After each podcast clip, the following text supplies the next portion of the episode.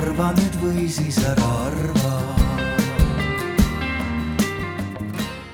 et see kuidagi on mingite reeglite või mingite tavadega ju ka seotud või mingite asjadega, et, et kas see, kas ei oleks lihtsalt lihtne teha üks paragrahv, mis ütleb, et ma ei tea, igal neljapäeva täiskuu ööl peavad kõik fertiilses eas mehed ja naised magamistoas omavahel kohtuma, et, et mida õigusteadus sellisest asjast arvaks, Katrin Kiisk äh,? Õigusteadust ei arvaks sellest eriti midagi, aga nügimise mõttes ma arvan, et täiskujudest võib väheks jääda. Äh, peaks noor kuud appi võtma, siis võiksime rääkida sellest iibest, mida me nii kaua taga igatseme.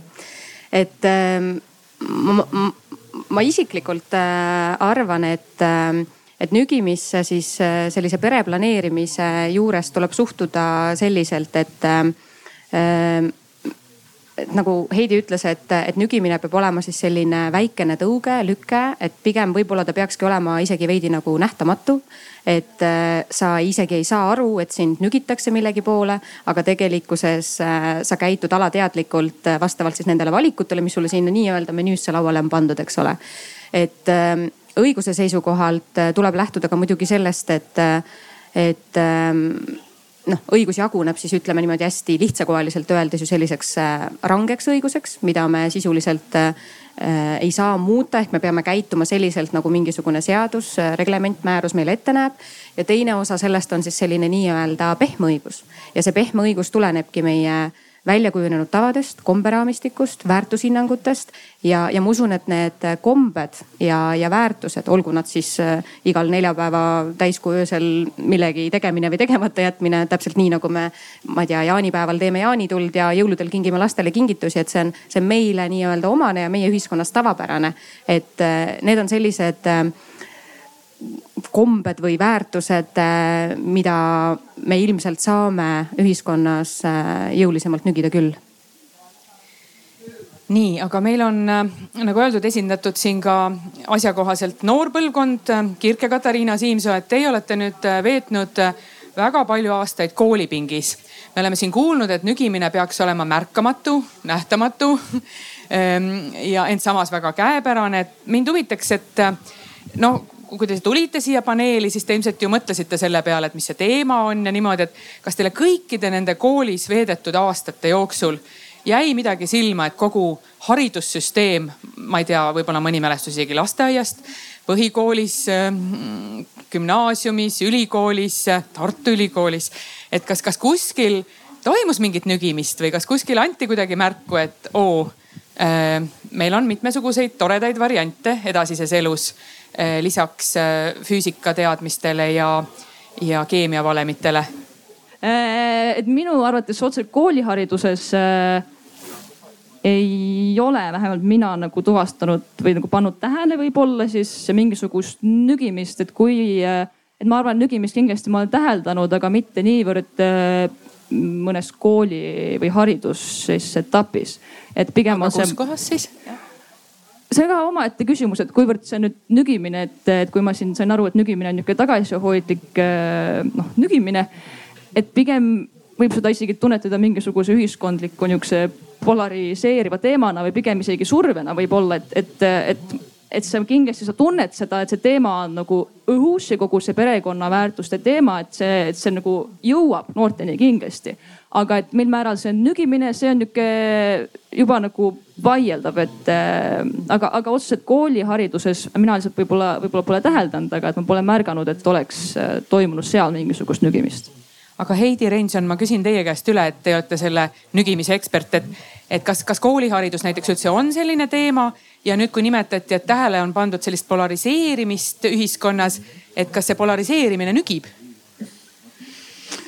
Ohohoo, äh, tähendab kooliharidus on kindlasti teema ja kui, kui tahta kavalalt äh, nügida, siis, siis kindlasti on võimalik leida neid kohti koolihariduses kasvõi õpikute piltidel, mis on nagu kuida-, kuidas tekivad üldse sotsiaalsed normid. ma ei tea, isa lapsega, isa ema kolme lapsega no,, kõik, kõik need ju nagu meid pidevalt sellised väiksed pildid äh, nagu nügivad et ähm, polariseerimine, noh, see selles mõttes ei, ei lähe ilmselt nagu nügimise definitsiooni alla, aga see kindlasti meid ju mõjutab, et, et kui, kui äh, noh, need inimesed, keda meie austame, on nii-öelda ühes leeris või teises, et, et, et selline grupikuuluvus ja sotsiaalsed normid sinu enda nagu lähemas grupis, see kindlasti meid väga tugevalt mõjutab ja, ja, ja niimoodi on on ka võimalik nügimisele läheneda läbi, läbi normide, sotsiaalsete normide, et kas, et kui palju on kolmelapselisi peresid, et, et, et, et kui, kui sa oled nagu kahe ja kolme lapse vahel, mõtled, et ahah, et kas seda kolmandat last saada või mitte, et siis, et kui sa näed, et ahah aina enam peresid julgevad võtta selle sammu, et, et siis, siis sellised väiksed märgid just, just meid nügivadki ma toon siia sellise lustaka vahepala, et mu perearst ütles mulle kunagi, et poeg võib olla, tütar peab olema. et noh, me võime ka kujutada ette, et, et, et võib-olla tal oli riiklik tellimus nügida niimoodi oma patsiente ja öelda täpselt äh, siis, äh, et võib-olla ta kahe tüdrukuga peredele ütleb siis, et äh, tüdruk võib olla, aga poeg peab olema, et et see ilmselt ei olnud orkestreeritud, aga need on need täpselt need, need müksud, mida võiks siis selline mm, salakaval teadlane kuskil ametniku tagatoas välja mõelda. Kui palju nendest äh, salakavalate teadlaste, salakavalate teadlaste salakavalate teadlaste asjadest ikkagi tegelikult väljendub siis selles komberuumis ja kui palju see komberuum on seadustega mõjutatav, et meil on ju terve rida erinevaid seadusemuudatusi olnud, mille eesmärgiks on kirjutatud, et see peaks kuidagi peresid toetama ja sündivust toetama ja, ja noh, täiesti sobimatu on alati tuua niisugust isiklikku näidet, aga aga ma, ma, ma siiski praegu, kuna niikuinii on niisugune intiimsem teema, et ma endale selle luban korra, et minu esimene äh, laps, selle, tema sünnini läks väga kaua aega, kuna alguses mulle arstid ütlesid, et ma üldse lapsi ei saagi. noh, hiljem see seisukoht neil muutus, aga aga siis, äh, siis tegelikult äh, tuhat üheksasada üheksakümmend kaheksa meil sündis see kõige väiksem sünnipõlvkond üldse. ja, ja minu esimese lapse sünd jäi ka sinna kanti ja, ja tegelikult tollel ajal ma küll ei mäleta, et mind kuidagi ühiskond nüginud oleks, siis ei olnud ju vanemahüvitist ega mitte midagi. ma lihtsalt ise tahtsin last saada. nii see peakski olema et..., eks ju, oleme sellega kõik nõus, et see peaks nii olema, et sa ise tahad last saada. jah, nii okei okay., et siis äh, ma saan aru nüüd sellest asjast niimoodi, et, et see nügimine tuleb teemaks nende inimeste puhul, kes ise tahavad last saada ja siis nad otsivad veel mingisugust seda, vot seda nagu Tarmo Soomere ütles seda, midagi on neil nagu seal kuskil peas puudu või midagi neile tekitab hirmu. ja vot seda kohta tuleks nügida, kas ma saan õigesti aru ikkagi sellest definitsioonist? no selles mõttes, ma arvan, et kui tuua sisse ka mõjutamiseetika, siis see peaks olema meil nagu see eeldus et me ei taha nügida inimesi, kes, kes lihtsalt noh, selles mõttes, et, et muudame inimesed läbi mõjutustegevuse zombideks, kes kogemata saavad lapse ja siis äh, tegelikult seda ei tahtnud.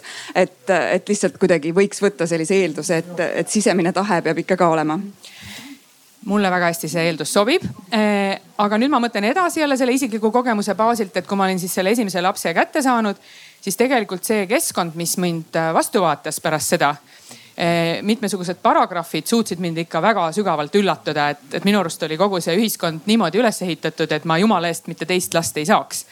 et kas eh, no ma toon lihtsalt mõned näited, et küll oli see, et no tõesti, et sa, sa ei saanud mingit sissetulekut, eks ole, noh seda hiljem asendas selle vanemahüvitis. siis vanemahüvitise ajal selgus, et sa ei tohi isegi mitte artiklit kirjutada eh, lehte, sellepärast et selle honorari eest võetakse sul kogu vanemahüvitis maha, see on ka nüüd tänaseks muudetud ja niimoodi järjest, järjest, järjest oli seal erinevaid asju, mis noh, mitmed asjad on tänaseks muudetud, osad ei ole. et mis tegelikult mõjusid nagu mitte nügimisena, vaid vastupidi tohutute takistustena et kas see käib ka kuidagi nügimisteema alla, äh, Katrin Kiisk, et, et kas, äh, kas me peaks nagu analüüsima seda, et kui palju meil on neid takistusi me siin räägime nügimisest, oh kui tore, toetame. aga noh, tegelikult näiteks paragrahvides, õigusruumis on ju minu arust siiamaani neid takistusi, et kas peaks mingi analüüs olema või, või kas sellised analüüsid käivad ka sellise nügimise alla, et me nagu mõtleme tervikuna, et kuidas see riik töötab ja, ja mida me nende normidega, mida me oleme seadustesse kirjutanud, mida me tegelikult toetame ja ma olen selle mõttekäiguga täiesti nõus, et ähm, kindlasti on äh, ka õigusraamistikus selliseid ähm, endiselt põhimõtteid või sätteid, mis tegelikult võivad selle äh, nügimise nii-öelda kõverpeeglisse keerata ja tegelikult siis vastupidise efekti kaasa tuua. aga ega me neid äh, elulisi olukordi muul moel ju ei tuvastagi, kui äh, inimene sellest ise piltlikult öeldes riigile märku annab. et äh, tihtipeale see võib, võibki tegelikult tulla välja alles mingisugustes kohtuvaidlustes ja kohtuvaidluste kaudu siis äh, muudab seadusandja mm, seadust või, äh, või tuleb siis välja, et äh, on hoopis midagi jäänud äh, sätestamata, mis tegelikult toetaks nende perede siis kasvu või, või heaolu ja, ja ma olen ka seda meelt, et, et me, me, meie kohustus, ütleme siis ähm, ka põhiseaduse nii-öelda siis vaatevinklist vaadatuna on ju tegelikult tagada äh, rahvuse, keele ja kultuuri kest-, kestmine läbi aegade. et äh, kui see on üks meie nii-öelda põhilisi baasfunktsioone või alustalasid, millel kogu riik üle, üle, ülal seisab, siis loomulikult äh, kuidas me võiksimegi öelda, et meie ülesanne ei ole need takistused üles leida, absoluutselt on. et äh, neid takistusi võib tegelikult tekkida eh, ka ajas selles mõttes juurde, et elu, ühiskond, kombed, tavad muutuvad. Eh, mingis võtmes ka võib-olla saavad ehm, selliseid eh, uusi väärtuseid erinevate põlvkondadega juurde ja seega need takistused võivad tekkida ka mitte ainult seaduse pinnalt, vaid ka ajale jalgu jäänud nii-öelda siis komberaamistiku tõttu, et, et ma, ma olen nagu täiesti seda meelt, et, et, et nügimise kaudu, et me ei saagi nügida ilma, kui me ei tea, mis meid tegelikult takistab no üks asi ma võin kohe lisada siin laiale avalikkusele, mis näiteks takistab järgmise lapse saamist, on see, et kui veel peaks kunagi tulema distantsõpet ja muid probleeme nende õppimisega, siis palun koolid, ärge helistage emadele, helistage isadele. Aga, aga no see oli nagu minu üks väike soov, aga aga, aga Kirke, et, et teie olete riigiteaduse ekspert, selle eriala värskelt lõpetanud, et, et me siin oleme juba läinud niisuguste praktiliste asjade peale, et kui teie vaatate noore põlvkonna vaates või ka iseenda vaates, et, et mis teie soovinimekiri oleks, et mida riik peaks siis tegema või, või kust te ootaksite, et kus see nügimine peaks nagu, nagu kas alguse saama, oma keskpunkti leidma või, või sihukese grand finaalini jõudma? no esiteks, ma ei ole tegelikult äh, riigiteaduste ekspert, igaks juhuks ütlen kohe ära, et äh,, et ma siin see... kohe sekkun, naistele on üldiselt omane oma kvalifikatsiooni alahinnata. see on ka tõsi muidugi. niimoodi ei tohi kunagi alustada, kui te olete lõpetanud riigiteaduse eriala, siis te olete riigiteaduse ekspert. olgu, ma siis äh, olen mõningal määral äh, riigiteaduste ekspert, loodetavasti tulevikus veel rohkem ähm, aga soovid äh,? no esiteks kindlasti, mis ikka juba enne läbi käis, et, äh, et, et see, et selleks peab enne nagu soov olema. et, et praegu, mis ma tunnen, üks peamiseid takistusi, kui ma olen ka rääkinud teiste enda vanuste noortega ja, ja enda sugulastega ja, ja ma ise olen mõelnud, et peamine probleem tundub olevat äh, just karjääri ja pereelu ühildamises, et kindlasti see mängib rolli ka noh, see on nagu mull, kus ma ise elan ja ma üldse ei väida, et see nagu kõigi noorte jaoks on seesama teema. Ähm, aga ütleme siis enamike siis ülikoolist, ülikooli läbinud noorte jaoks on just see, et, et, et riik kuidagi peaks nagu suutma ka siis kommunikeerida seda, et, et pere ja karjäärielu ei, ei välista üksteist et ma tunnen, et praegu minu peamine, noh, mis mul endal on ka hirm, et tegelikult tulevikus tahaks lapsi saada.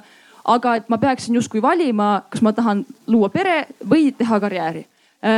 Et, et see tuleb kuidagi nagu luua minu arust selline keskkond ja siis seda ka vastavalt kommunikeerida, et need oleksid võimalikult palju kohaldatavad, et, normaliseeritaks seda, et, et pärast lapse saamist ei pea olema kolm aastat kodus, kui sa noh tahad minna varem tööle. et see on tore, kes tahab, absoluutselt saab jääda aga et see ei oleks nagu roh-, et ei oleks nii palju seda arusaama, et issand jumal läks nii kiiresti pärast lapse saamist tööle, et missugune ema ta on. et seda minu arust hästi palju kuulda, see kõik äh, mängib nagu rolli kogu selles sellises mulje jätmises et ma peangi valima ja ma ei arva, et see tegelikult on õige, et, et siis ongi selline olukord, et kus ma nagu, ma olen mitmeid kordi pidanud nagu oma emaga seda vestlust, et jah, et tahaks küll pere luua kunagi, aga mis ma teen, et ma tahan ju karjääri minna teha ja, ja siis ma nagu lohutan ennast sellega, et aa näed, et aga noh, et mu ema tegi karjääri ja tal on lapsed ja Kaja Kallasel on lapsed ja tegi karjääri ja Liisa Pakostal on lapsed ja tegi karjääri. et ma pean nagu iseennast lohutama, et tegelikult see ei ole nii hull. Et ma arvan, et üks peamiseid asju, mida nagu siis riik peaks suutma tegema, ongi teha karjääri ja pereelu võimalikult kooskäivateks, et, et võimaldadagi naistele mine, noh tööle tagasiminek siis, kui ise tahavad, olenemata kui kiiresti see on Äh, võimaldada siis sellest tulenevalt laps kuhugi panna, lapsehoiukohad, mis oleksid ka nagu lubatavad, et, et, et ei oleks see, et noh, tahaks tööle tagasi minna, aga pole raha, et last kuhugi siis nagu hoidu panna.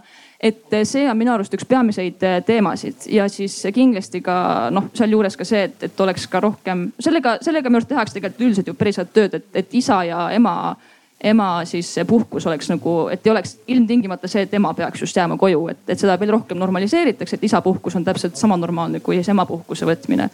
Ähm, ja mõtlen, äh, kas mul oli veel mingeid punkte? Jah, see praegu, praegu on see kõik, mis meelde tuli. no neid, neid saab ka lisada ja väike reklaamipaus siin, et tegelikult siinsamal alal kolm järgmist paneeli selle töö ja pereelu ühitamisega ka äh, tegelevad ja äh, voliniku kantseleil on näiteks üks niisugune trükis Kirjad lapsevanemale, mis äh, tegelikult normaliseerib seda Eestis ajalooliselt ju olemas olnud perekonnamudelit, kus nii naine kui mees tegelevad laste kasvatamise ja töötamisega kogu aeg, sest ega ometi ema neid puulusikaid voolima ei õpetanud. aga kuidas Äh, tundub, Heidi Reinson teile, et kas see töö ja pereelu ühitamise normaliseerimine, kas see on näiteks nügimine või, või, või kuidas see teie jaoks kvalifitseerub? Sinna alla kindlasti saab loetleda erinevaid meetmeid, et mitte ainult nügimist Äh, vaid ka tõesti äh, uuenenud äh, seadused, mis ma julgen öelda, on ju aina enam selles suunas läinud, et näiteks pooleteistaastane vanemahüvitis, et nüüd on muudetud paindlikumaks, et saab seda, nii nagu te tõite enne selle näite, et, et ei saa ühte artiklit kirjutada, sest honorar nullib kõik hüvitised. nüüd on ju see väga palju muutunud Äh, võib minna varem poole kohaga tööle osakoormusega ja saada hüvitist ja palka paralleelselt. Äh, vahepeal saab äh, nüüd isa ainult oma kolmkümmend päeva, mida emal ei ole õigus võtta. kui, kui veel selliseid, no näiteks kui, ähm, kui riik teaks juba enne lapsele nime panemist, kes on lapse isa ja saaks teda juba hakata varem kaasama, et sellised väikesed muudatused kõik selles suunas äh, lähevad, et, äh, et seda vastutust äh, nagu jagada, et ei ole nii, et naine jääb rasedaks ja siis kuidagi, et, et see vastutus on nagu tema õlul ainult. aga sinna alla kindlasti saab ka, ka mõelda selliseid nügivaid võtteid ja just, just nimelt see sotsiaalne norm on hästi-hästi oluline siin, et, et oleks eeskujusid naistest, kes on kõrgetel positsioonidel näiteks ja kellel on palju lapsi. ja, ja kõik muu no nüüd me oleme oma teemaga eh, jõudnud küll mõnede konkreetsete ettepanekuteni, mida peaks tegema, aga natukene jääb arusaamatuks, et kes sellega kõigega tegelema peaks, et, et siit on läbi käinud nii see, et, et kodanikud ise peaksid riigile märku andma, kus on probleemid, kui ka see, et riik peaks ühte või teist tegema, et Tarmo Soomere, et kui teie vaatate, et, et kas see on siis riik, kes peaks nügima, noh või, või kellele me tegelikult siin praegu räägime, kes see kes see sihtrühm nagu teie vaates on, et, et äh, kellele lisaks kõikidele meeldivatele inimestele, kes on siia kogunenud, aga kellele me tegelikult räägime sellest nügimisest? see on päris hea küsimus, hea on kasutada siukseid mitte midagi ütlevaid sissejuhatuse vastusesse, kuni mikrofon käima hakkab. Ähm, et äh, see on üks nagu pigem ütleks fundamentaalseid küsimusi teadlase vaatekohast vaadates on see ka äh, väga sügavalt eetika küsimus, et kui, kui me püüame raamistada, et kellest me siis räägime, kes räägib ja kellest. et me räägime ju äärmiselt isiklikest aspektidest, me ju räägime ju inimeste privaatsfäärist. ja kui me natuke, õige natuke utreerin, siis me räägime ju inimeste kehade ärakasutamisest, ekspluateerimisest, riigi vajadusteks, nagu Katrin ütles, viidates põhiseaduse preambulele väga ilusa eesmärgi nimel rahva, keele ja kultuuri säilimise vajadusteks aga noh, et tuleme nüüd ikka tagasi noh teadvusele, et keegi ei taha olla ära kasutatud või, või manipuleeritud või olla neurolingvistilise programmeerimise objekt, mitte subjekt. et me räägime sageli ju noh fertiilsest, fertiilses eas naistest. et mõtleks korra järgi, et see on ju sildistamine, see on näpuga näitamine, mitte kaasamine. et me räägime ju tugevatest, tervetest ja jõukatest perekondadest, siis kuhu oleks lastel õnn sündida aga väga vähe räägime õnneks täna juba rohkem sellest, kuidas saavutada, et selliseid peresid oleks järjest rohkem. vaadates natuke tagasi ja püüdes kokku võtta juba öeldu, et Eesti näeb ju tohutult vaeva, et sünniks rohkem lapsi ja sünniks tugevatesse peredesse. et poolteist aastat vanemahüvitist on ju maailmas kas lausa ainulaadne või igatahes väga haruldane. väga haruldane. kõige pikem. kõige pikem jah, ilmselt, aga ilmselt ennast õigustanud. Sellised mõned nüansid, mis siin on nagu negatiivselt märgitud, ma kipun arvama, et meie noored, noore demokraatia probleemid ikka nagu maha nügimata veel need nurgad. Aga võtame ka teistpidi, et kuna see on seotud vanemahüvitise suuruse eelneva sissetulekuga, siis tegelikult see nügib ju, ju väga hästi noori inimesi, et nad hästi kiiresti areneksid, hästi-hästi korralikult tööd teeksid, enne kui nad otsustavad pere planeerimisel nulli vahetada ühe, kahe või kolme vastu. ma mõtlen laste arvu vastu, see saab alati olla täisarv. Äh, meil on tehtud väga mugavaks pärast lapsehoolduspuhkust tööle naasmine. nii-öelda naasmine tööturule ja pluss garantiid. aga edasi läheb nüüd küll keerulisemaks, et kes ja millest peaks rääkima, et, et teadus tahaks nagu kõike kord koos vaadata ja samal ajal iga üksikut asja ka eraldi.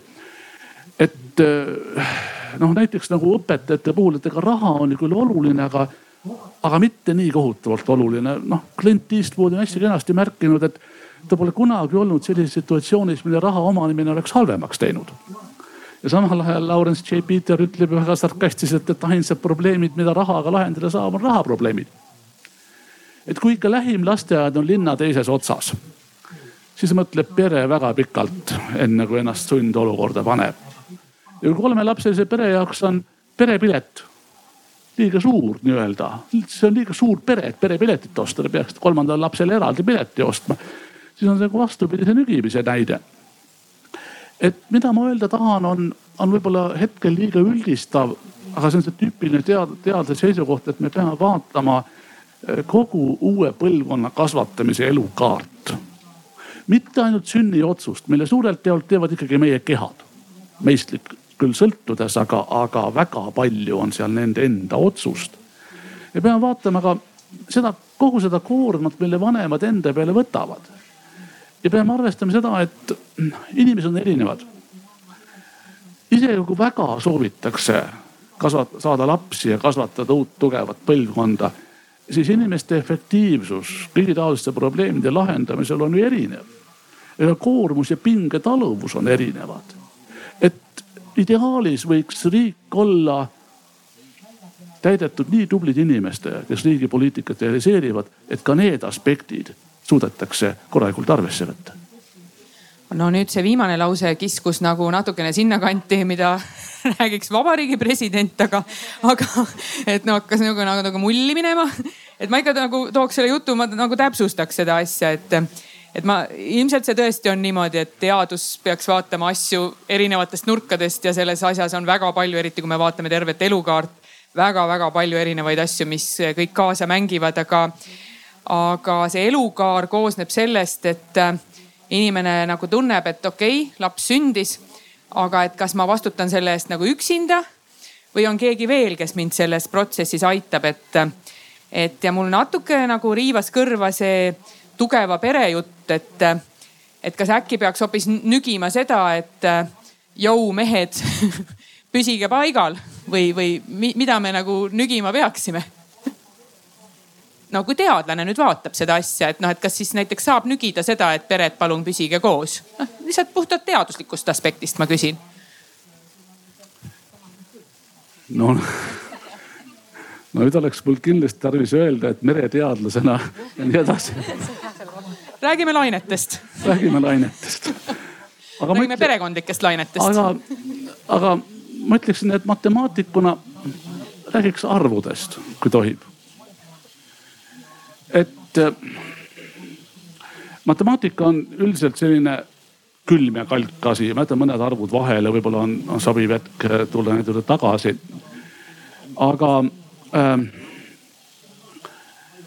tugevate perede olulisus tuleb välja külmast kiretust ja kalgist matemaatikast. näiteks see, et statistiliselt lahutatakse kõige rohkem umbes kümme kuni kaksteist aastat kestnud abielusid. Küll, osa andmeid on vananenud, kaksteist aastat oli aastast kaks tuhat viisteist pärinevatest andmetest. aga see tähendab mida, vaadates tagasi? et probleem on tekkinud seitsmenda, kaheksanda abieluaasta paiku ja seda pole suudetud ületada mis jälle omakorda tähendab, et äh, on oldud paar, mõned aastad koos, koos kodu ehitatud või loodud. see on sündinud laps või lapsed. Need lapsed on päris väikesed, kui pinged tekivad ja lähevad nii suureks, et äh, pere kipub lagunema. ja kolmanda lapse probleemi siin õige natuke äh, markeeritud. aga kolmandat last ütleb ju tavamõistus, et lagunevasse või pingete käes kannatavasse peresse ju enam ei oodata ikka tugevasse ja tervesse peresse. et sealt siis see mõte, mida toetavad ka arvud, kui pärastpoole keegi viitsib arvusid kuulata ja graafikuid vaadata. Et see nügimise siht äh,, ma ütleks isegi peasiht, pea, võiks olla rohkem seal, et pered oleksid tugevad ja terved ja mida iganes täpselt tähendab. et siis on alust arvata, et lapsi sünnib juurde ja siis on ka alust arvata, et äh, meie iive ületab taastet taastetaseme märksa kiiremini võrreldes sellega, kui me suuname jõu esimese lapse sünni toetamisele matemaatiliselt küll äh, tundub, et kui see esimene laps ei sünni, siis on jube raske jõuda selle teiseni. noh, kui me täisarvudest räägime, aga, aga kui me juba nende numbrite juures, äh, numbrite juures oleme, siis äh, üks asi, mida mul on noored rääkinud ja nüüd ma küsiksin Kirke teie arvamust, et, et minu arust oli vist äh, eilses Ekspressis oli jälle lugu sellest, kui tohutu kiirusega kasvavad kinnisvara hinnad. ja äh, kui Tarmo Soomere rääkis, siis ta rääkis perekonnast, kes on selle kodu juba ostnud ja loonud. aga kuidas see noortele nagu tundub, et, et kas see oma kodu loomine on nagu teema või, või võtate tagataskust need oma tuhandelised välja ja luftitate neid lihtsalt või kuidas see, kuidas see nagu noorte vaates tundub, see kodu loomine? Äh, no see kindlasti selles see... mõttes äh, mängib rolli seal kogu see oma kodu loomine ja üleüldine rahaline seis, et, et kui ma olen ka rääkinud oma tuttavatega, kes on nagu olnud mõnda aega juba noh, paari suhtes ja tegelikult juba nagu mõtlevad selle peale, et täitsa võiks lapsi saada siis nende kõigi argument on see, et äh, jah, et aga ei, et me tahame ikkagi noh, et olekski nagu mingi enda kodu, aga selleks noh, kogu ongi, et selleks peab nagu enne tahavad, et oleks parem finantsiline olukord ja, ja mille, mille kaudu siis saaks endale kodu osta. et, äh, et see kindlasti äh, mängib äh, rolli, et, et, et tundub, et, et noh, et enam et kui ma olen kuulnud nagu oma vanemaid sugulasi rääkimas, et võib-olla ma siinkohal nagu eksin, aga minu enda kogemusest lihtsalt siis on nagu rohkem jäänud seda tunnet, et noh, et laps tuleb siis, kui ta tuleb ja siis noh, ja siis elad ikka oma elu, vaata. aga, aga vaadates mu tuttavaid, siis äh, nende nagu jutust jääb ikkagi mulje, et see on hästi palju rohkem planeeritud, et, et ongi, nad tahavad lapse saada siis, kui neil on piisavalt raha, et neil lapsel oleks kõik võimalused äh, olla oma klassikaaslastega sama, samal tasemel, nad ei peaks noh millestki ilma jääma. et äh, mulle tundub, et tahetakse eelnevalt olla oluliselt kuidagi paremal finantsilisel tasemel milleks siis peabki olema oma kodu ja rohkem raha ja kõik asjad, mis siis äh, kindlasti nagu lükkab edasi seda vanust, mil lapsi saadakse, et, et selles mõttes äh, jah, see mängib kindlasti rolli ja üks asi, mida ma olen veel tähele pannud, äh, tõsi küll, mitte oma tuttavate hulgast, aga rohkem sotsiaalmeediat jälgides on see, et noored räägivad, et planeet on juba niikuinii ülerahvastatud.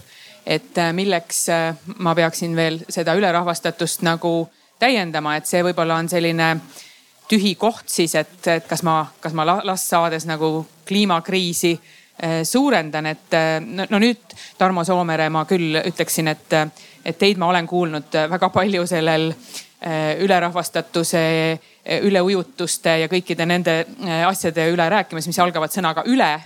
et, et kuidas selle planeedi ülerahvastatusega meil siis tegelikult lood on ja kas see on mingi teema, mida Eestis peaks võib-olla avama või valgustama, et, et kuidas meil see mentaalne äh, lähenemine sellesse asja on, et kui see ülerahvastatuse tunne Eestis on nagu tundub inimestele takistusena või, kuidas teie teadlasena seda vaatate?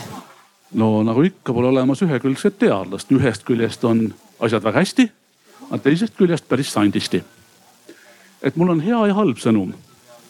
ma alustan heast. et hea sõnum on see, et Eestis ei ole veel sihukest loodusressursside akuutset puudust. ja äh, mingis mõttes on, on ju nõnda, et suur osa kliimamuutustest, mis praegu käivad, on meile kasulikud. aga ega siis äh, maailmas tervikuna on äh, asjad oluliselt teistmoodi. et temperatuurid on läinud nii kõrgele, et inimese keha ei funktsioneeri enam. Vett on mõnes kohas saanud nii palju, et inimesel ulatub see üle pea, see on ka teatavasti letaalsete tagajärgede kulude ei oska.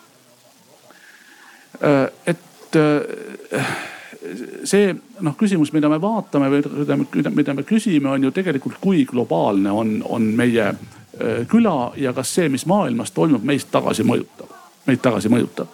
ja lihtne vastus on see, et maailma sidusus, sidemed eri kohtade vahel on nii tugevad, et mis tahes maailmas halvasti läheb, varem või hiljem, hiljem jõuab selle järelkajaga meile. Äh, ja äh, see, et kuskil lihtsalt on inimesi rohkem see ei ole iseendast probleem. küll aga on probleem see, kui me püüame natuke hinnata, et kui vintsked on erinevad ühiskonnad, erinevad riigid erinevates kohtades. Et seda saab hinnata teatavate kriteeriumide alusel, millest, mis on küll pool kvalitatiivsed, aga siiski natukene võrreldavad. ja tuleb nii välja, et see pilt on väga vöödiline, jaotunud laiuskraadide järgi. parasvöötmes ja natuke põhja pool on suhteliselt rikkad maad ja ka väga lõuna pool Austraalia Need on äh, piisavalt rikkad, piisavalt tugevad, piisavalt vintsked, piisavalt uue eestikeelse sõnaga säilenõtked. Et nemad on mitte ainult valmis reageerima igasugu pingetele, vaid võtma kasumit. ja vaesed maad maksavad siis kas enesesuutmatuse kaudu või selle suutmatuse kaudu, mida meie oma lühinägelikkuses oleme neile tekitanud. et see on selline natukene võib-olla üldistatud vöödilisus, aga, aga võib-olla veidi paremini annab annab äh, pildi, äh, pildi, mis toimuda võiks põllumajandussaaduste prognoos kolmekümne aasta pärast. ega me päris täpselt ei tea, mis tulevikus tuleb, aga natukene ikka suudame sinna piiluda. ja siis tuleb sealt välja nagu lausa piibellik mõte, et see, kus on palju ja kus raisatakse, sinna antakse juurde. ja kus on vähe, seal saab veel vähem olema. et kolmekümne aasta perspektiivis veerand sajandi perspektiivis on nõnda, et seal, kus rahvastik kiiresti kasvab, eriti äh, Kagu-Aasia ja Aafrika, seal põllumajandustoodang isegi, isegi füüsilisel tasemel nominaalselt kipub vähenema. ja seal, kus rahvastik väheneb, nagu meil, põllumajandustoodang kasvab ja tingimused lähevad paremaks.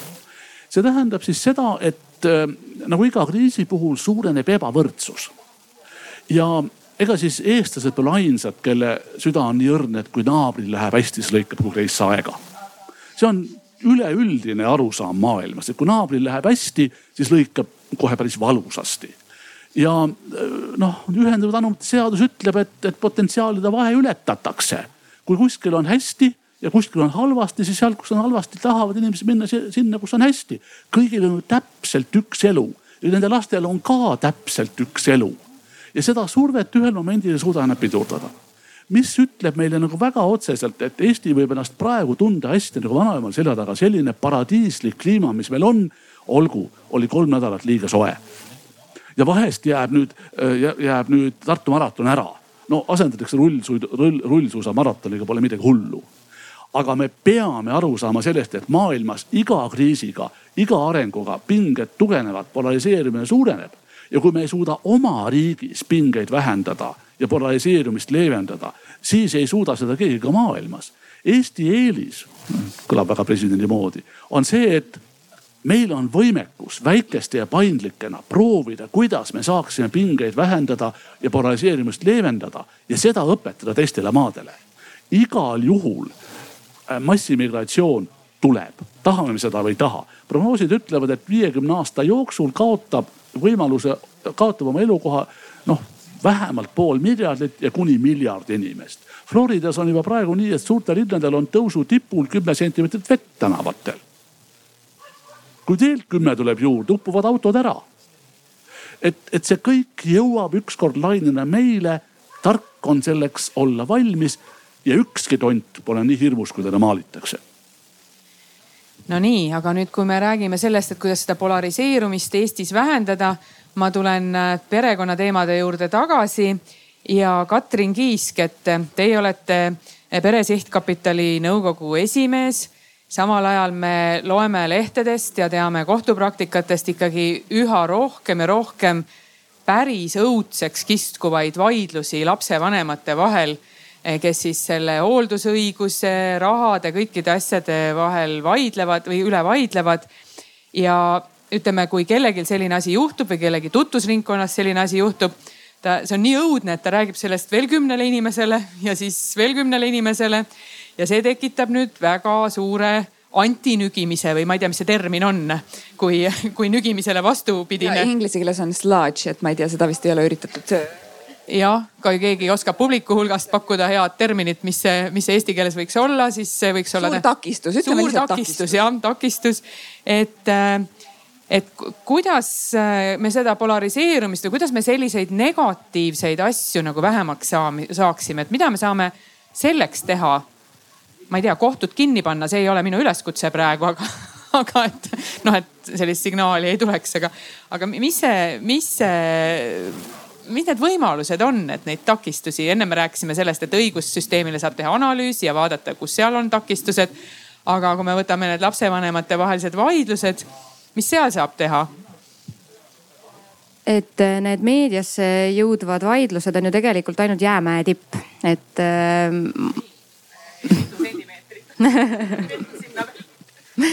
Eh, kui ma hakkaksin tooma elulisi näiteid selle üle, mille üle tegelikult äh, vanemad kohtutes vaidlevad, siis ma äh, üsna igapäevaselt mõtlen, et ma, ma imestan, et ma üldse veel imestan nende asjade üle, mida ma iga päev näen ja kuulen.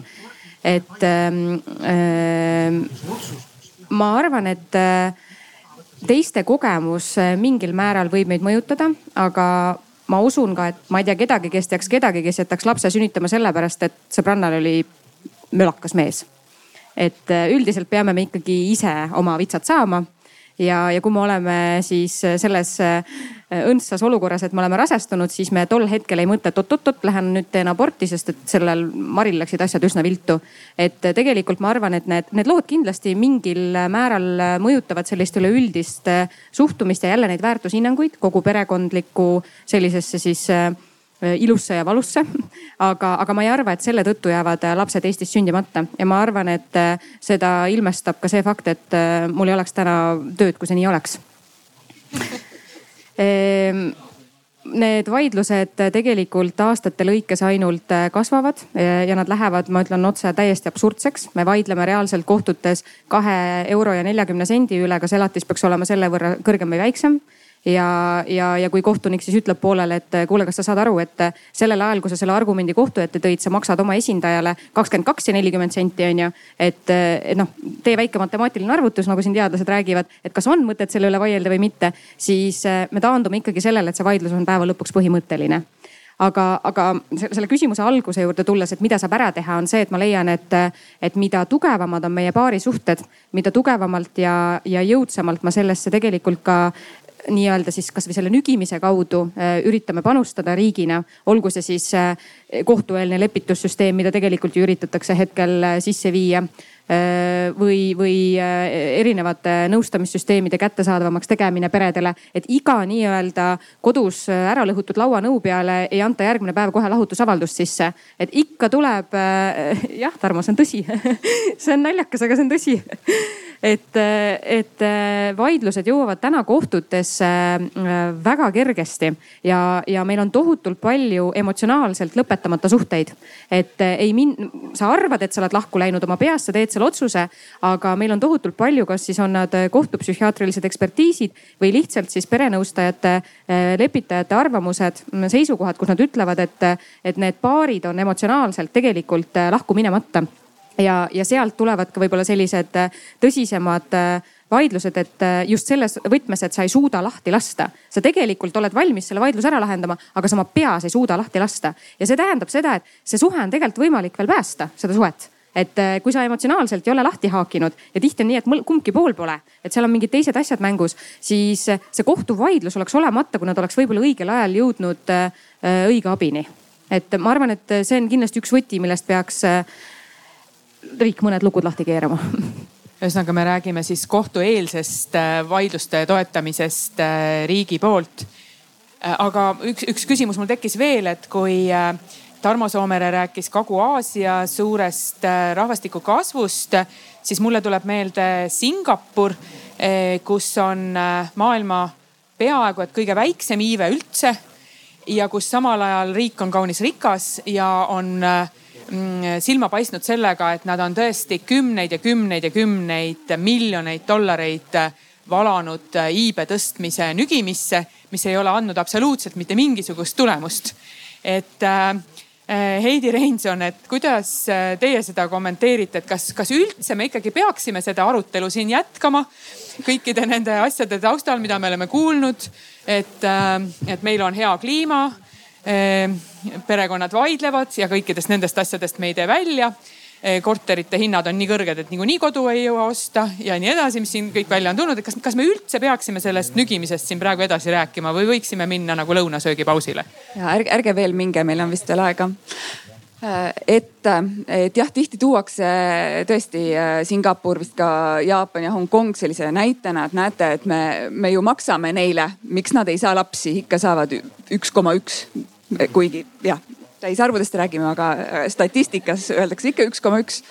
et, äh, et aga kui me sinna sisse vaatame, et, äh, et ma, ma ei ole seda arvutuskäiku ise läbi teinud, aga ma, ma, ma julgen väita, et me siin Eestis arvestades elukalliduse erinevust oleme maksnud palju rohkem et see selles mõttes, et kui ma nüüd ei eksi, siis Singapuris on kuusteist nädalat see vanemahüvitis, mis on nagu just nimelt siis tegelikult ainult emale. seal on väga tugevad äh, soostereotüübid äh, ja, ja tegelikult see, see, millega meie siin oleme harjunud, äh, on, on täiesti võrreldamatu et, et see, kui sulle ühekordselt lapse sünnitamise eest makstakse mingid, nad nimetavadki seda boonuseks, mõned tuhanded. et siis see on ju, see on pikaajaline otsus saada laps või mitte, et, et see on väga mm, noh, keegi ei tee seda nii spontaanselt ja lühinägelikult, et, et see ei, see ei kata tegelikult neid kulusid, mis järgnevad. et, et seda, seda analüüsi on tehtud jah, et, et see on võib-olla seal on panustatud just nimelt sellisesse ühekordsesse maksmisesse, mitte sellesse, et kuidas töö ja pereelu ühildada ja kuidas nagu pikas perspektiivis peresid aidata ja, ja just ka, ka see, et, et kui, kui on ka selline võib-olla edukultus, et et sa pead sellesse, kui sa oled selle üks koma üks last saanud, et, et sa pead väga palju panustama, et, et temal läheks hästi. siis sa jätad selle järgmise lapse saamata sellepärast, et, et sa tahad, et, et sa kardad, et võib-olla siis noh, nii-öelda siis see, see panus, mis sa saad anda esimese lapse näiteks haridusse, siis selle võrra kannatab, et, et seal on mängus nii palju nüansse, et, et see on nagu selles mõttes noh, väga mm, ennatlik järeldus öelda, et näe, Singapuris nad maksid ja iive ei tõusnud, et äh, lähme nüüd laiali ja me ei saa absoluutselt peresid aidata. et just see pikk perspektiiv on see, mida, mida võib-olla meie siin olemegi tegelikult äh, nagu õigesti teinud, oleme õiges suunas minemas, et, et, et last ei saada ju ainult korraks, et ei ole nii, et sünnitad äh, paar kuud, oled oma beebiga ja siis saa ise hakkama aga Kirke-Katariina Siimson, et tegelikult te siin ennem äh, püüdsite oma ekspertsust nagu vähendada, aga see, mida te ju alguses välja tõite, oli see, et äh, töö ja pereelu ühitamine on see, mis äh, noori kõige rohkem pelutab ja kus nad vajaksid kõige rohkem kindlust juurde. et see on nüüd seesama ju tegelikult, mida ka eksperdid on rääkinud, et, et see pikk perspektiiv kogu elukaare ulatuses lapsega tegelemise vaatamine. Noh, see on see töö ja pereelu ühitamine, et mitte midagi ei ole parata, see on teema ja väike reklaamipaus, et sellest räägivad ka kolm järgmist paneeli siin, siin katuse all. aga, aga kas näiteks sellest töö ja pereelu ühitamisest, kas sellest näiteks koolis räägiti, et riiklikus õppekavas seda küll kuskil ei nimetata, aga ma lihtsalt huvi pärast küsin, et, et kas teile kas, kas tänapäeva noortele koolis räägitakse, et kuidas seda tööd ja pereelu siis ühitada või kuidas, kuidas elada? minu arvates ei räägita, et, et äh, jah, ei töö ja pereelu ühildamisest ma ei ütleks, et räägitakse niimoodi, et äh, kui siis, ma isegi ei kujuta täpselt ette, mis olukorras selles, kas siis ühiskonnaõpetuse tunnis või kusagil, et kus sellest nagu rääkida, et et kuigi ma arvan, et siin tegelikult saaks hästi palju tööd saakski ära teha just, mis ka enne välja toodi, positiivsed eeskujud, et kogu selle kogukonna rolli juures siis laste saamisel. et, et et kindlasti see ka mind nagu aitaks väga palju, kui olekski, et kui me räägime, et noh, et kas, mis reklaame teha või et kuidas, mida teha. et kui tuuagi erinevaid, mis iganes reklaamklippe või mingeid lugusid ongi edukatest naistest, kes on saanud teha karjääris kõike, mida nad on tahtnud teha ja kellel on mitu last. või näiteid paaridest, kes on siis vaheldumisi nii mees kui naine on lapsega kodus, et, et isegi kui seda ei panda kuidagi nagu haridussüsteemi sisse, et et kuidas ühildada karjääri ja pereelu, siis vähemalt seda võiks minu arvates teha just siis noh, et kui tahta, et kogukond midagi teeb, siis teha just kogukonna tasemel, et teha seda nagu positiivset eeskuju oleks näha rohkem, et, et see ei ole tegelikult nagu niivõrd dramaatiline, et üks või teine. et töö ja pereelu äh, ühitamise teemast, nagu öeldud, kolm järgmist paneeli äh, räägivad, nii et sellepärast ma praegu sellesse teemasse pikemalt äh, süvitsi sisse ei lähe. aga no ütleme, et mind on küll isiklikult natukene alati see hämmastama pannud, et kui vähe me kõikide nende aastate jooksul, mis me hariduses veedame, eh, sellest räägime, et kuidas eh, elada ja kuidas eh, lapsi kasvatada, et et mina näiteks õppisin lapsi mähkima oma vanaema tuhande üheksasaja kolmekümne kaheksandal aastal välja antud kooliõpiku järgi, kus oli sellele tegelikult pühendatud päris mitu lehekülge, et kuidas see lapse mähkimine tegelikult käib. ja, ja ühtegi uuemat teost Ehm, selle kohta mina ei olegi avastanud, et, et võib-olla nüüd on viimastel aastatel ilmunud, aga, aga kus seda nagu, nagu näeks, et tahtsid kommenteerida, jah? ja et äh, selle mähkimise kohta ma tahtsin lihtsalt öelda, et ähm, minu äh, ainus ja esimene laps siis sündis kaks tuhat üheksateist ja ma tahtsin Kirkele siis äh, tegelikult aga öelda seda, et ähm, kui ma lapse sünnitasin, ma olin kakskümmend seitse ja ma mäletan, et äh, kuigi ta oli igat, igas mõttes planeeritud, kuigi lapsed on sellised, et sa planeerid ja ta ikka tuleb siis, kui ta tahab tulla, onju. Et äh, ja, ja ma mäletan, et kui ma sain teada, et ma olen nagu rases, rase, siis äh, mina olin ka see klassikaline nii-öelda noor, kes ei kujutanud ette seda kolm aastat kodus ja, ja need mähkmed ja asjad ja nii edasi, et ma teadsin, et ma tahan teha karjääri ja ma tahan tööd jätkata ja nii edasi. ja see laps tundus nagu tõeline takistus seal keskel, onju. aga äh, ma, ma ise oma peas sain tollel hetkel aru, et Katrin, ideaalset aega lapse sünniks ei tule mitte kunagi alati on vot see tegemata, see õppimata, seal käimata, see kodu ostmata, seal reisimata ja nii edasi. et ja nüüd siis, kui see laps ära sündis siis ma sain aru, et tegelikkuses äh, mu elu muutus selle võrra, et ma pidin nii-öelda ühe teise inimhinge eest vastutama ja oma käimised ja tegemised tema ümber, ümber sättima. aga ma tunnen, et mu elu on ülivõrdes täisväärtuslikum, kui ta oli enne lapse saamist. ja, ja minu tunne, sisemine tunne siis äh, ütleb, et äh, ma tahan lapsi kindlasti veel saada, see ei ole ainus laps, kelle ma siia ilmale tõin. ja mitte seetõttu, et, et see on siis riiklik ootus või, või et põhiseadus mind niimoodi siis nügib sinna. et, et mul on sama tunne nagu, nagu oli siis teil, Liisa, et, et ma tahtsin saada emaks ja, ja ma, ja ma tahan saada veel emaks, sest ma tunnen, et, et see on olnud minu kõige kõige tähtsam roll üldse, sõltumata sellest, mida ma kõike muud siin elus olen jõudnud teha. et, et et kui te rääkisite sellest mähkimisest, siis mul lihtsalt tuli meelde, et, et nüüd on see niimoodi, kui see nüüd vahepeal aastatega muutunud ei ole. et kui sa oled lapse ära sünnitanud, siis tund-kaks pärast seda tuleb üks äh, õde, arst, ma ei mäleta enam, kes ta oli äh, ta näitab sulle kõik asjad ette, onju, et äh, kuidas niipidi, naapidi, mis sa selle nabaga teed, kuidas seda pesed, kuidas sa teda hoiad, kuidas sa teed. ma mäletan, ma ise, ma olen tegelikult neljalapselisest perest pärit, ma olen nooremad õed. ma olen neid mähkinud ja teinud nendega jumal teab mida, aga oma laps on täitsa nagu teine asi. ja, ja kui ta siis näitas mulle, mida seal teha, mulle tundus, et mu kätte võtan, kukub ära. no ühesõnaga, see oli nii hirmus kõik, aga, aga äh, sa kohaned, lihtsalt kohaned, et äh, mina julgustan küll lapsi saama, see oli mu elu kõige, kõige õigem otsus. selliseid lugusid ongi vaja kuulda. ma lihtsalt ütlen, et Nii. te võiksite reklaamklippi minna rääkida ja kohe saaks rohkem lapsi Näit,. näitlik nügimine siin oli, ma vahepeal tuletan meelde, et äh, kolm küsimust on, mis seal ekraani peal jooksevad, et need küsimused vahepeal vahelduvad äh, aga mis siis veel on, et nüüd oli näitlik reklaamklipp, aga, aga ma küsiks veel teiste käest, kes äh, Tarmo ja, ja Heidi, et, et mis me ikkagi kogukonnana mida, millest me peaksime siis rääkima? praegu me rääkisime sellest, et lapse saamine on tore, millest me veel peaks rääkima? räägime siis sellest, äh, mis Arvamusfestivali ei sobi, räägime faktidest. räägime sellest, mis on teada. et see, kuidas nii-öelda iive kujuneb, kujuneb muidugi ju ka koolis õpetatud või koolis ähm, harrastatud ähm, nii-öelda paradigmade alusel. Kui mina olin väike või koolilaps, siis oli laste saamine riiklik saladus kui minu lapsed kasvasid, siis õpetati neile koolis, kuidas mitte lapsi saada ja ma huviga ootan, mida õpetatakse mu lastelastele koolis. aga et selle värgi kohta on tegelikult päris palju teada ja meil siin on äh, Pere Sihtkapitalis ka paar salarelva. Nende nimed on siin Raul Eamets, majandusteadlane, Allan Puur, demograaf. mis on siis teada?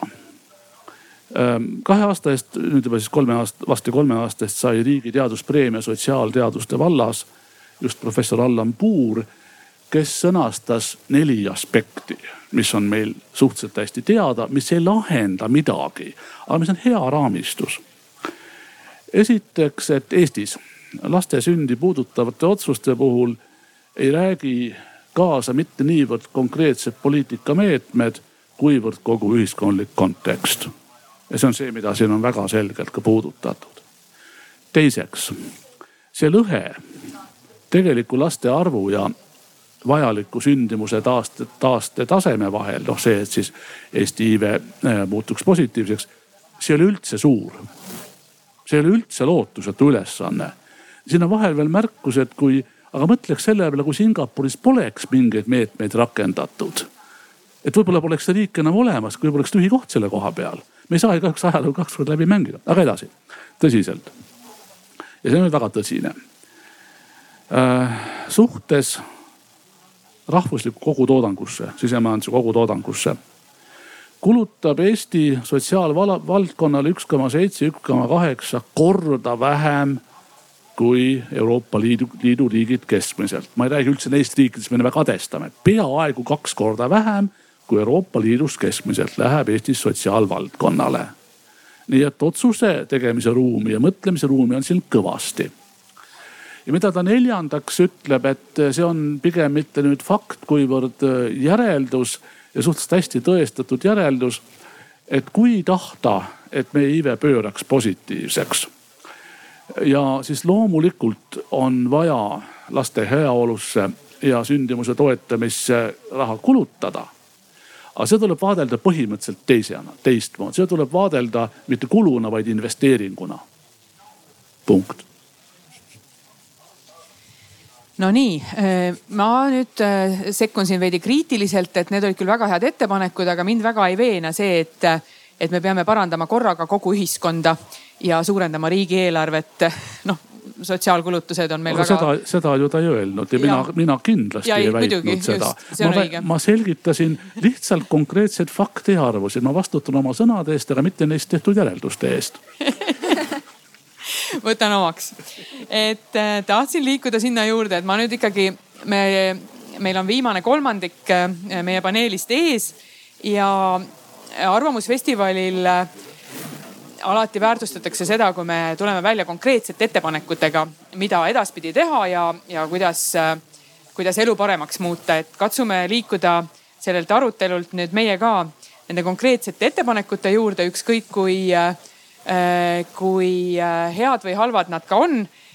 mitu korda on see ju läbi käinud, et kodanike ettepanekutest läheb riik paremaks ja, ja nii meie kuulajate hulgas kui siin tagasihoidliku lava peal me kõik oleme ühtemoodi need äh, kodanikud.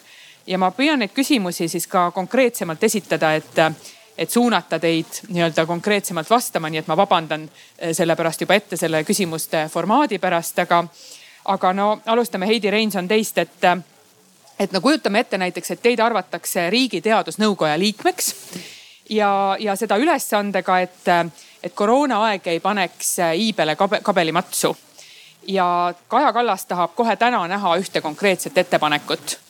et äh, mida te teadusnõukoja liikmena näiteks teeksite. mis see ettepanek võiks äh, olla? võib ka mitu olla. kui palju meil aega, kui palju meil aega on no on jah ja. ja Kallasel on vähem aega, nii et jah, ma, ähm, ma usun, et te kindlasti tahaksite selliseid hästi äh, konkreetseid äh, üks väike müks lahendab kõik probleemid tüüpi lahendusi, aga ma, ma oleks siinkohal äh, nagu pessimistlikum, et et äh, suuri probleeme selliste väikeste müksudega võib-olla ei pruugi nii äh, kiiresti lahendada äh,. aga et üldiselt.... aga lahendame väikeseid probleeme no vot, aga sündimus ei ole väike probleem vist et, äh, et esiteks ma tahaks öelda, et ma arvan, et me, me tõesti liigume äh, paljude oma poliitikameetmetega juba õiges suunas. nagu ma enne ka äh, mainisin, et just see paindlikum üleminek siis vanemahüvitiselt, vanemapuhkuselt tagasi tööle vastutuse jagamine äh, isa ja ema vahel, et see, ma arvan, on äh, selline väga süü, väga suur aspekt. et, et seal on tõesti on ruumi nii konkreetsetele meetmetele, nagu on näiteks isapuhkus, aga ka täpselt nagu sotsiaalsete normide mm, muutmised mida võib siis võib-olla tõesti läbi nügimise üritada, et tuua näiteks eeskujusid või, või kasvõi nagu muuta retoorikat muuta nagu sellist, ähm, selliseid konkreetseid, kasvõi kasvõi pöördumisi äh, ema-isa poole äh, mingitel hetkedel, mis riigi poolt tulevad, et, et just nagu, äh, et igal sammul, noh kasvõi see näide, mis te enne tõite, et, et õpetaja helistab teile, mitte laste isale. et, et, et sellised väikesed müksud igas selles elukaare etapis aitaksid nagu vähendada seda seda koormat, mis just nimelt emadele langeb, et just, et, et on, on pinge nii nendel naistel, kellel lapsi ei ole, sest nemad on süüdi kogu selles probleemis, mis, mis, mis, mis, miks me siin oleme, eks ole. ja emad on süüdi äh, teistes asjades, et, et just seda, seda süükoormat nagu natuke jagada see on selline noh, see võib-olla tõesti kõlab nagu üldiselt, aga seda on võimalik äh, teha samm-sammult aga, aga tegelikult see, kuhu tuleks panustada ja võib-olla tõesti nüüd te süüdistate mind, et ma tahan Äh, riigieelarvet suurendada, võib, võib-olla me leiame midagi, mille arvelt see tuleb, aga. ei me..., see ettepanek läheb Kaja Kallasele, nii et ja, keegi selge, ei süüdista. selge, selge, et mul on kõik volitused. et, et minu selline konkreetne ettepanek oleks tegeleda õpetajatega. et, et just, et, et noh, kui me enne rääkisime, et lapse saamine ja kasvatamine on nagu selline pikk projekt, eks ole, et mitte ainult me ei räägi beebidest et, et siis see, et, et lasteaias oleks õpetajad, kelle tööd väärtustatakse ka rahaliselt ja siis ka edasi kooli, kooliastmes et see on nagu tõesti nagu ma mõtlen, mu endale poe, esimene poeg läheb kohe-kohe äh, kooli et juba on selline tunne, et ahah, et me peame nüüd abikaasaga ka õpetajateks õppima, et, et, et kõik, kõik lapsed saaksid siis äh, nagu päris äh, ülikoolini välja. et see on väga suur akuutne probleem ja see on osa sellest sündimusest, et noh, et kui sa vaatad, et su laps ei saa lasteaeda ja sealt edasi Äh, koolis ei ole õpetajaid või neile makstakse väga vähe palka. et, et see on üks selline asi, mis, mis tõesti võib-olla see ei, ei lahenda nagu, et, et me üheksa kuu pärast ei hakka lapsed sündima, aga see, see, see on nagu pikas perspektiivis hästi oluline, et me tegeleksime haridusega, õpetajate, äh, õpetajatele mm, väärilise palga maksmisega, et see, see on osa sellest sündimuse probleemist, sest enne ma arvan, et me sellega nagu selles mõttes jõudsime selleni, et, et, et, et sündimus on selline pika perspektiivi teema, mitte ainult äh, sünnitamine ja beebiga ma olen sellega tohutult nõus ja ma lihtsalt võtan äh, teil pingeid natukene vähemaks, et äh, mul ei tule praegu peast täpselt meelde, missuguse aasta PISA uuringus seda vaadati.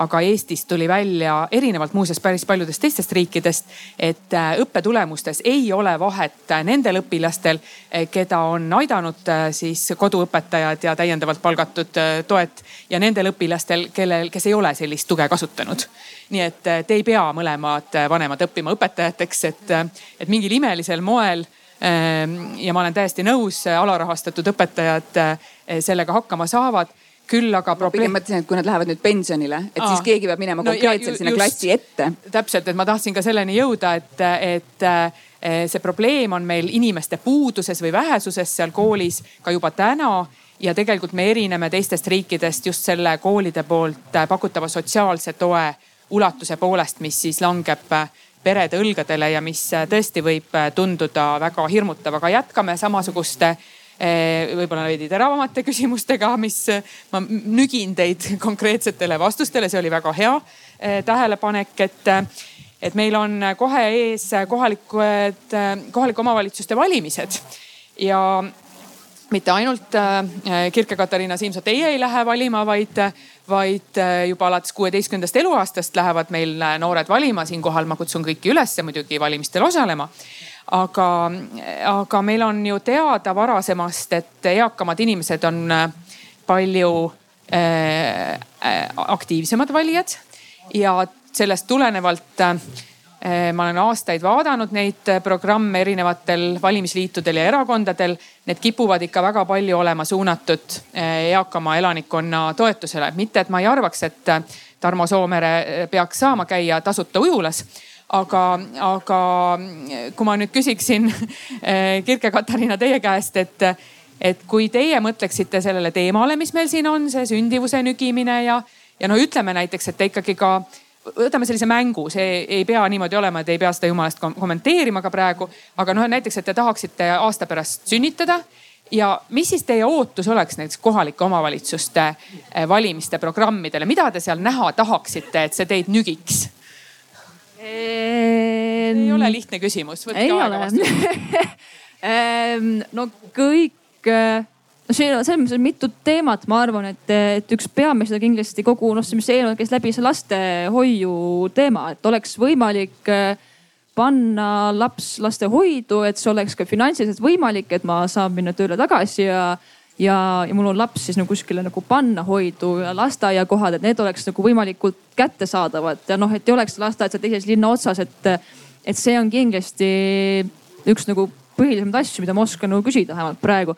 muidugi, muidugi sellele eelneb ka see, et, et selles linnas on töökohad erialased, et ma ise olen Viljandist, mis on äh, küllaltki nagu väike linn, et et, äh, et selleks kõige nagu eeldus on tõesti see, et kui tahate, et äh, noored seal üldse nagu oleksid, on, seal peavad olema mingid nagu erinevad erialased töökohad ja mul oleks võimalik sinna üldse oma ka töökohaga nagu jääda.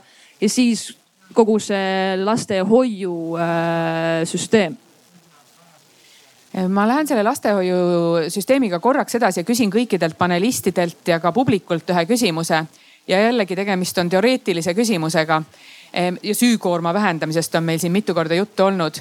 kujutame ette olukorda, et äh, tegemist on emaga, äh, kes on oma erialal tugev spetsialist ja kes on saanud äh, kutse esineda suurel rahvusvahelisel erialasel messil Ehm, no näiteks äh, Ameerika Ühendriikides ja sellel messil selle esinemise läbiviimiseks äh, kestaks tema äh, väljamaale sõit siis viis päeva. ja ta pöördub kohaliku omavalitsuse poole, et omavalitsus nagu seadus ette näeb, ehm, koolieelse lasteasutuse seadus paragrahv kümme lõige üks ehm, et kohalik omavalitsus korraldaks tema lapse hoiu selle viie ööpäeva jooksul. kas see ema käitub õigesti või valesti? hakkame siit pihta, Heidi ma arvan, et emad käituvad alati õigesti et äh, noh, üldiselt väga paljudel on vedanud ja neil on oma isiklik tugivõrgustik, aga mina, ma praegu nagu suu ammuli kuulasin teid, ma ei teadnud, et selline paragrahv on olemas. kohe tekkis kiusatus kontrollida äh, selle kehtivust praktikas, et äh, jah, ma jään. kohalik omavalitsus on kohustatud korraldama lapsele siis lasteaiateenuse või lastehoiuteenuse vastavalt perekonna vajadustele, lapse vajadustele mm, -hmm. lapsele sobival moel jah, et see, see ema kindlasti ei tee midagi valesti, aga ma tunnen talle väga kaasa, kui ta julgeb sellest loost rääkida kellelegi. nii, lähme edasi, Katrin mm.. me rääkisime väga palju nendest ühiskonnas kehtivatest väärtusnormidest ja kuidas sellega on siis? ja no ma ise ei läinudki kunagi lapsehoolduspuhkusele ja ma viibisin oma esimesel istungil kümnepäevase beebiga palusin vaheaega, et saaksin teda imetada ja nii edasi, seega äh, neid pilke äh, kindlasti oli ja oli ka selliseid lausumata ilmselt äh, väärtushinnanguid. aga ma ei tundnud kordagi midagi, et ma teeksin valesti. ma olin ise õnnelik, ma tahtsin seda teha, ma olin toetatud, ma tundsin, et mu beebi on hästi hoitud ja kui see ettepanek oleks tulnud mulle, siis ma oleks selle lapsega kasvõi koos sinna USA-sse sõitnud. et äh, minu jaoks ei oleks see kunagi takistus olnud või jätta teda siis näiteks kohaliku omavalitsuse lapsehoidja kätte, ei, aga isa kätte ilmselt jätaks Tarmo Soomere, teie rääkisite ennem ühiskonna polariseerimise vähendamisest. kas, äh, kuidas me sellistes asjades, sellistes hinnangutes saaksime ühiskonna polariseerimist vähendada ja alustame siis sellest samast küsimusest, et kas see ema käitub õigesti või valesti? Nojah, et algaja poliitikuna ma olen õppinud, et küsimus, millele ma vastan, ei pea olema see, mis on esitatud. ma vastan eelmisele küsimusele. mida ütleb teadus selle kohta? jälle Allan Puur ja teised. konkreetsed tegurid, mis suurendaksid ja on suurendanud teise lapsi, lapse sünni tõenäosust, ennekõike kõrgharitutel seal esimene nimistus on lastehoiuteenuse kättesaadavus, nii et tagu, tagumine käib väga õigesse punkti. Aga mis mõjutab halvasti, on sooline palgalõhe. et, et sellest me ei rääkinud, aga see on üks kõige tegu, tugevamaid tegureid, mis sunnib emadel sünnitamissisu maha.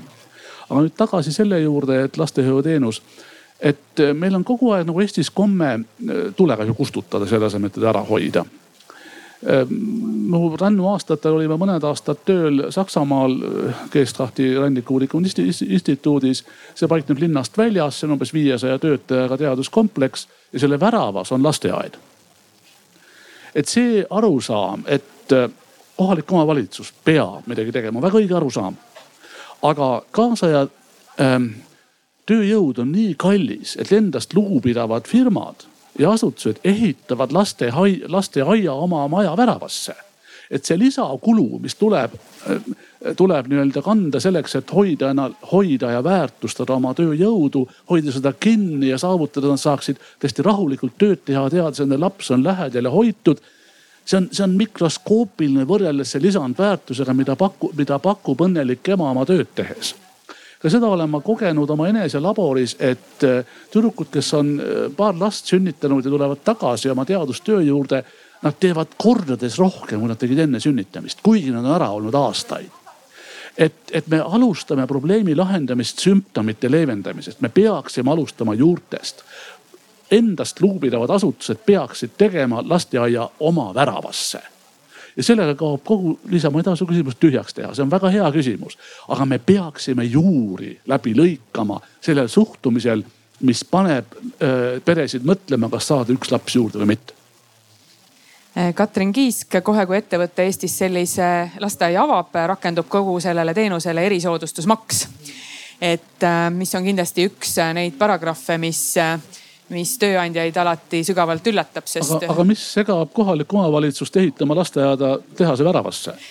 E, jah, ja ajaloost teame, et ka Kreenholmi vabrik oli vist, e, paar mõisa tegi ennem Kreenholmi vabrikut oma lastehoiud. aga muidu on Kreenholmi vabrik esimene tööandja, suure lasteaia asutaja. veel kord rõhutan üle, et tegemist ei ole sugugi mitte Eesti esimeste lasteaedadega Kreenholmis, sest enne seda oli mitmes mõisas mõisaprouad organiseerinud siis lastehoiu, mis äravahetamiseni sarnane eh, tänapäeva lasteaia kontseptsioonile. Eh, ja Aga... sama ülikoolidele. jah, täpselt nii, jälle erisoodustusmaks, et me ehk me trahvime tegelikult ju riigi poolt seda nüüd Katrin Kiisk, et, et kui me liigume selle küsimusega edasi, et, et noh, need natukene niisugused teravad küsimused. Et kujutame ette, et, et Pere Sihtkapitali äh, sihtasutuse eelarve on sama suur kui äh, Eesti Vabariigi kogu eelarve kokku. noh, natuke on veel minna praktikas, aga, aga vahe, vahe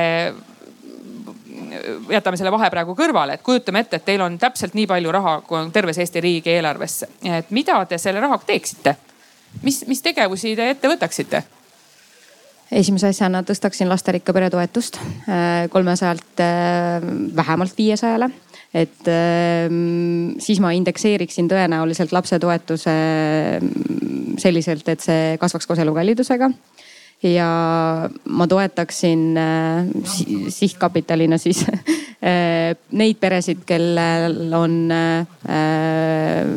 peres äh, vähemalt kolm last ja kelle näiteks esimene siis äh, maimukene saab seal üheksateist, äh, läheb nii-öelda pesast välja. aga tegelikult temaga kaasnevad kulud alles kasvavad, kuna ta ei iseseisvu üleöö aga tänases Eesti Vabariigis on see nii, et peretoetused kaovad tagant ära ja, ja seega võib see pere rahakott õheneda sisuliselt seal kolme-neljasaja euro võrra, aga needsamad kulud või isegi topelt kasvavad. et need on sellised soovunelmad, millest me oleme tegelikult sihtkapitalina siin erinevate poliitikutega rääkinud. ja tegelikult mul on hea meel tõdeda, et mõni, mitte neist, mis ma praegu ütlesin, aga, aga mõned muud, millest me oleme rääkinud, on äh, ka seadusemuudatustesse jõudnud. Et, et peresid toetada. aga need on, need on sellised sihtkapitali soovunelmad, mida me usume, et ühel päeval leiab riik sellest põhjatust eelarvest koha, et ka neid realiseerida. see kindlasti aitaks sellele taastetasemele, millest siis Tarmo eelnevalt rääkis, see on täna kaks koma üks kaasa ja see vahe on tõesti väga väikene, ühe koma kaheksast jõuda kahe koma üheni, et et varasemalt kaks tuhat seitseteist aastal me nägime, et lasterikka pere toetuse üldse ellukutsumine tõi ju kaasa hüppelise kolmandate laste kasvu. ja ma usun, et kui see elukallidusega kaas nii-öelda siis äh, tõuseb ja liigub kaasa, siis äh, see nügib neid peresid saama lapsi ilma selleta, et nad tegelikult saaksid aru, et neid seda, et seda neilt oodatakse nüüd äh, viimane küsimus on äh, vahepeal ka ekraanil, et äh, kui keegi leiab võimalust seda ka silmata ja vastata. aga nüüd oli juttu meil päris palju siin rahast. samal ajal Tarmo Soomere nimetas soolist palgalõhet vihjega Allan Puurile. sellest tuleb juttu meil täpselt järgmises paneelis, et me sellesse pikalt siin hetkel ka ei süvene, kõiki on kutsutud eh, ootama ja kuul-, vaatama ja kuulama ja osalema ka järgmises paneelis. Eh, aga ma küsiksin, Katrin Kiisk, teie käest veel, et, et siin oli see raha teema kõvasti üle, üleval, samas me ennem hästi palju rääkisime nendest väärtushinnangutest ja suhtumistest. ja kas selle raha teemaga tegelikult see on küsimus ka Tarmo Soomerele, kes on mitu korda rõhutanud, et kõik asjad ei ole nii lihtsad, kui nad pealt vaadates paistavad et kui me sellest raha teemast räägime, et, et me teame ju vanemahüvitise puhul on mitmed teadusuuringud näidanud, et selle väga helde vanemahüvitise tulemus ongi see sooline palgalõhe. sellepärast, et naised on pikalt tööturul eemal. Eh, neil tegelikult ei ole nii lihtne sinna tööturule pärast tagasi naasta. Eh, IT-firmad ütlevad, et neil ei ole enam ühtegi töökohta alles, mis neil kolm aastat tagasi olid. Eh, tööturg muutub nii tohutult kiiresti et, äh, et mis me nende väärtushinnangutega siis teha saaksime ja kas mõnikord võib olla see raha hoopis tegelikult tekitada mingi probleemi sinna kõrvale, et, et küsimusega tahan jõuda sinnamaani, et mis me, mis me nende väärtushinnangutega teha saaksime ma arvan, et äh, Kirke selles mõttes äh, pani sinna naelapea pihta, et, äh, et tänases ühiskonnas mulle tundub, et kui me tahame, me peame ju mõjutama ennekõike nii-öelda siis neid sünnitusealisi naisi. kas nad on siis selles eas, mida näitavad uuringud, et, et esimene laps kipub sündima seal kahekümne seitsmenda ja kahekümne, kakskümmend kaheksa koma kaks oli vist äkki see esimene esimene praegune äh, lapse siis või naise keskmine sünni äh, iga, millal sünnib siis esimene laps. et, ähm, et aga tegelikult äh, on see sihtgrupp ju ka nooremate seas, et, et mulle tundub, et see väärtushinnang saab olla kujundatud eelkõige nende samade positiivsete eeskujude najal. ja, ja need positiivsed eeskujud siis omakorda Äh, sa-, äh, saavad siis äh, see noh, ütleme ühiskonnale anda siis sellist äh,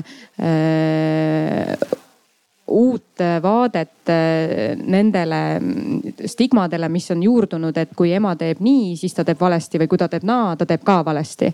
et, äh, et, et me ei sildistaks neid äh, emasid, kes on siis nagu te isegi ütlete, niigi näiteks selle rahanumbri raameski siis jäänud nii-öelda nende oma meeste varju siis just seetõttu, et nemad maksavad teatavat emadustrahvi selle koju jäämisega ja, ja, ja ka siis selle palgalõhe tekkimise kaudu. ja, ja seal palgalõhe tegelikult üks nii-öelda meede, kuidas see võiks väheneda, on ka see, et, et, et kui naine soovib sünnitada järjestikke lapsi, siis äh, ka see vanemahüvitis, mida talle praegu siis võimaldatakse, ei käiks mitte ainult selle nii-öelda eelneva lapse äh, ajal saadud vanemahüvitise järgi, vaid ka see peaks olema siis indekseeritud selliselt, et ta tõuseb vastavalt elukallidusele. sest see ei ole ju loogiline, et kui ma sünnitan kolm last jutti, siis ma saan kolmanda lapsega samasugust hüvitist nagu esimesega, aga elu on vahepeal kaks korda kallimaks läinud et äh, ma arvan, et ka see on üks äh, teema, mis äh, just selle palgalõhe või, või, või noh, nii-öelda see küll palk ju, aga noh, natuke nagu on ka, et, et mis võiks nagu seda kuidagi leevendada. Emadustrahv täpselt muuseas ongi järgmise paneeli pealkiri, nii et tuli ära praegu ka. Aga.... ma kusjuures ei teadnud seda. Aga meil on meil on praegu nüüd olnud hästi palju juttu emadest viimaste minutite jooksul, et minu tagasihoidlikke bioloogiateadmisi mööda sellest ainult ei piisa.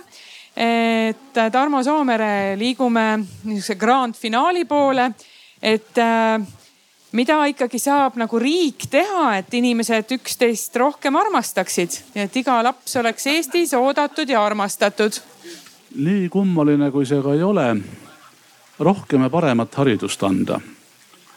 et nii palju võime enda äh, kohta öelda, et äh, mu elu stabiliseerus pärast teise doktorikraadi kaitsmist üsna varsti. paljudel stabiliseerub ta varem, aga korralik haridus ja maailma mõistmine on see, millest, millest asjad algavad. et me peaksime eh, siis tegema ka ikkagi vahet eh, nii-öelda kasu ja väärtuse vahel. Eh, siin on hästi kenasti öelnud Artur Miller, et ära usu, et kõigele, mis kasu ei too, ei ole väärtust ja on ju kommenteeritud ka väga sarkastiliselt, et on inimesi, kes teavad kõige hinda, aga mitte millegi väärtust et väärtus ja hind on, on äärmiselt erinevad asjad. me elame kiiresti muutuvas maailmas. Äh, me elame maailmas, kus ka äh, kultuur ja stigmad muutuvad väga kiiresti. et ega see ei ole niisama lihtne. et äh, kui me jõuame situatsiooni, kus oleme silmitsi kultuurikatkestusega liiga kiire arengu tõttu, see ei ole samuti hea. et armastust ei saa vägisi peale sundida, see on üks asi, kus kus inimene ei saa nagu suurt midagi teha.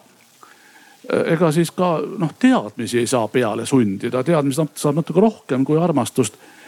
ja noh, kuigi praegu ei kahtle ju suurt keegi eh, teadmiste ja, ja teaduse olulisuses ja vajalikkuses aga siiski, et see oli Charles Percy Snow, kes juba kuuskümmend aastat tagasi oma kuulsas kõnes Kaks kultuuri juhtis tähelepanu sellele, et Euroopa hariduses on loodus ja kultuuriteadused lootusetult lahku läinud.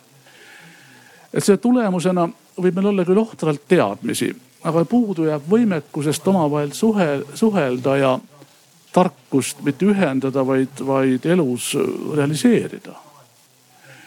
Et nendele asjadele peaksime isade puhul natuke rohkem tähelepanu pöörama.